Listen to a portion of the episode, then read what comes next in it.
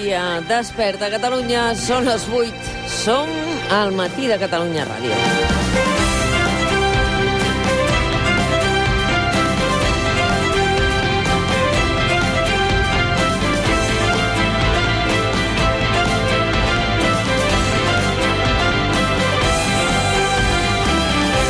Creuem els dits, que no tinguem més problemes dels que ja tenim damunt la taula, que són molts i dels quals ens ocuparem aquest matí. A veure, pel que fa a la crisi de la Covid-19 que tenim en aquests moments en ple 15 de juliol. Aquesta matinada, amb permís judicial, ara sí, eh, ara ja ho sabem el que diuen els jutges, i avalen ratifiquen les decisions de salut. S'activen mesures més restrictives tant a Lleida i als municipis més afectats del Segrià, excepte Mas Alcoreig, com a els tres barris de l'Hospitalet. Ara us explicarem amb quines excepcions, perquè el jutge de Barcelona diu que d'acord que la gent limiti la mobilitat, però les reunions de més de 10 persones s'autoritzen, i d'això en parlàvem ara amb Antoni Trilla.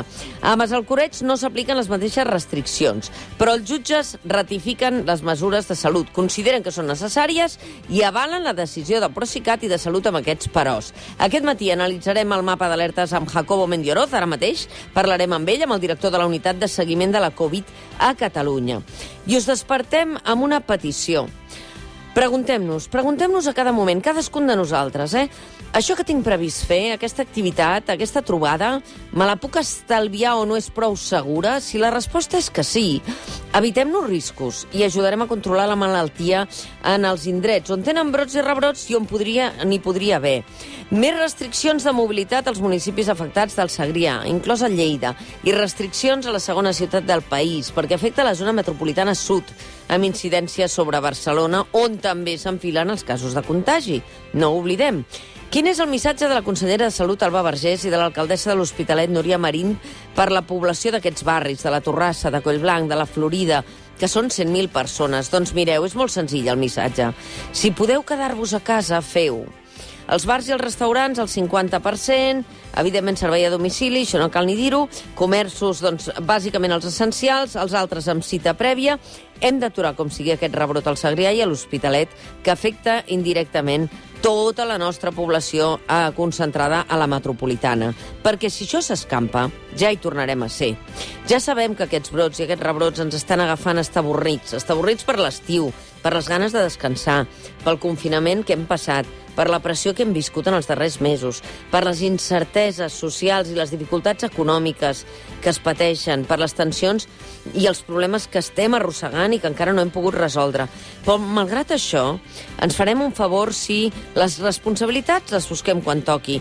I ara fem cas de les recomanacions sanitàries, perquè és a les nostres mans fer-ho bé, a les mans especialment, com sabeu. Netes sempre, amb les màscares posades, mantenint la distància. La natura ens està jugant una mala passada, però nosaltres, els éssers humans, tenim la capacitat de multiplicar i agreujar aquest Covid-19. Si no som exigents per preservar no només la nostra salut, sinó la convivència, condensant la nostra vida en àmbits de seguretat i en els límits que siguin imprescindibles. Nosaltres som i serem el motor de la recuperació social i econòmica, però ara també ho hem de ser per no convertir-nos en motor d'acceleració de la Covid-19. I sobre l'espionatge. Sobre l'espionatge estigueu molt atents a l'antena dos quarts de nou. Sentireu John Scott Railton, investigador del Citizen Lab de la Universitat de Toronto, que són els que estan desenvolupant la investigació publicada pel País i pel Guardian. És un dels centres de ciberseguretat, d'investigació en ciberseguretat més prestigiosos del món. I, per tant, parlarem amb ell després que aquesta matinada a la publicació Vice News, un extreballador de la companyia israeliana NSO, que és la que explota a Pegasus, hagi reconegut que Espanya és client des del 2015. Recordeu que la Moncloa diu que no té constància de l'espionatge, però que no en tingui constància vol dir que no s'hagi realitzat i aquí, i més enllà de Catalunya, a quins ciutadans? Aquesta és la pregunta que li farem a John Scott Railton perquè estem davant la punta de l'iceberg.